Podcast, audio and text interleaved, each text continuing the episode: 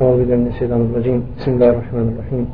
الحمد لله رب العالمين والصلاة والسلام على رسول الله وعلى آله وصحبه وسلم تسليما كثيرا أما بعد spomenuo je pisac imam i Tirmidhi rahmatullahi alaih poglavlje koji govori o tome o onome ko se probudi iz sna i nađe vlažnost na svojoj odjeći ali se ne sjeća da je nešto sanjao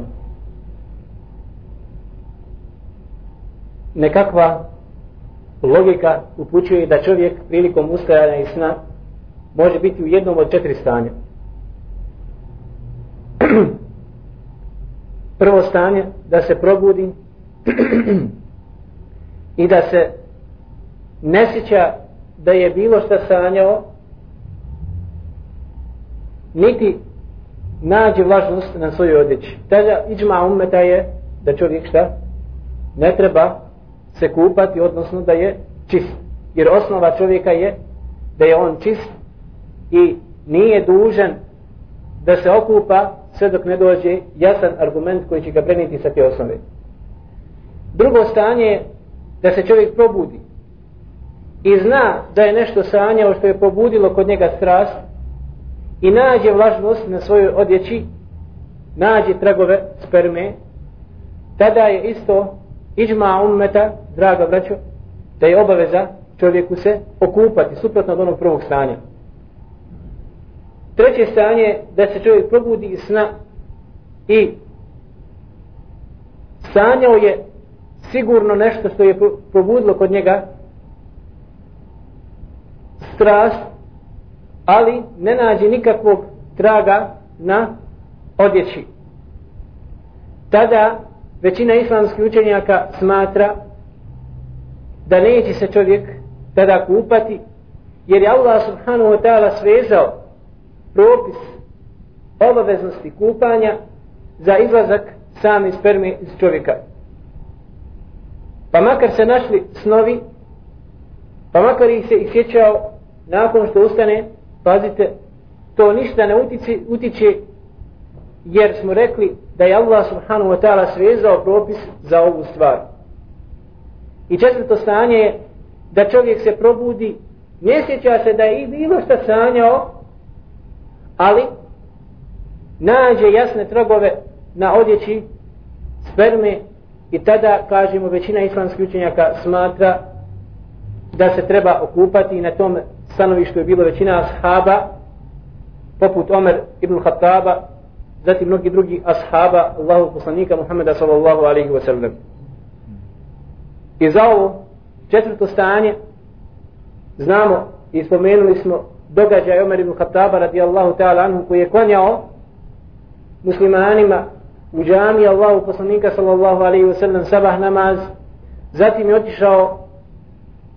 u svoj posjed koji se nalazi u zapadno od Medine Allahu poslanika sallallahu alaihi wa sallam nakon što je izašlo sunce nakon što je prošlo vremena od klanjanog sabaha kada je sjeo primijetio je na svome tijelu onaj tragove spermije, ali se nije sjećao da je bilo što sanjao i što ga je proizašlo da je bio obavezan da se kupa. znači ovo su ta neka četiri stanja iz kojih čovjek ne može izaći kada je u pitanju ova mesela. Postavlja se pitanje sada šta ukoliko čovjek zna da je nešto sanjao ali nije siguran po pitanju same samog traga, same vlažnosti. Da li je to sperma ili nije.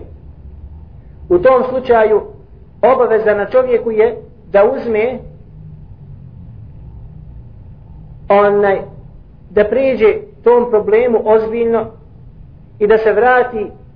bilo na miris ili na boju samog tog vlažnog traga koji se nalazi na odjeći. Iako, da ovladavamo mišljenje da na osnovu mirisa ili boje same te tečnosti prevladavamo mišljenje da je to sperma, onda mora raditi po onome što mu provladava mišljenje. Ali ako mu ne može nešto prevagnuti znači sumnja, nije siguran,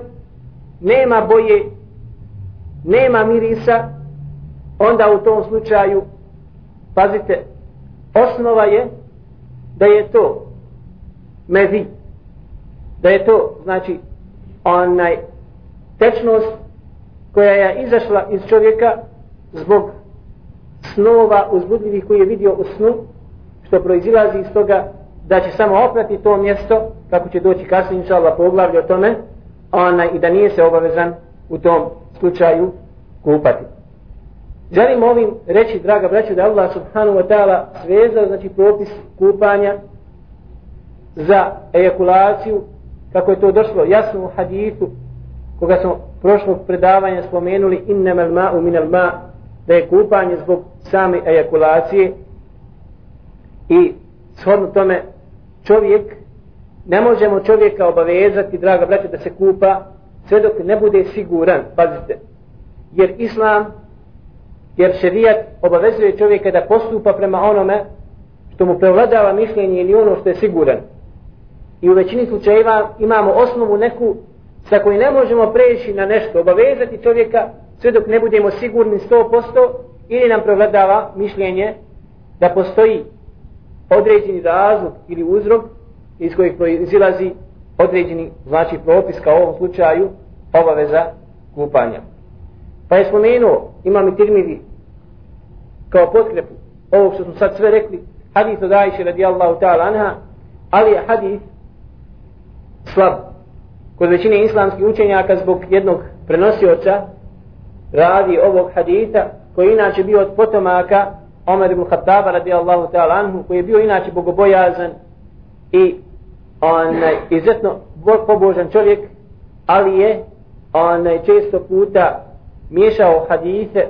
bio je slabog pamćenja. Otuda zbog samog ovog ravije ovaj hadis nije vjerodostojan ali njegovo značenje je šta? Ispravno kao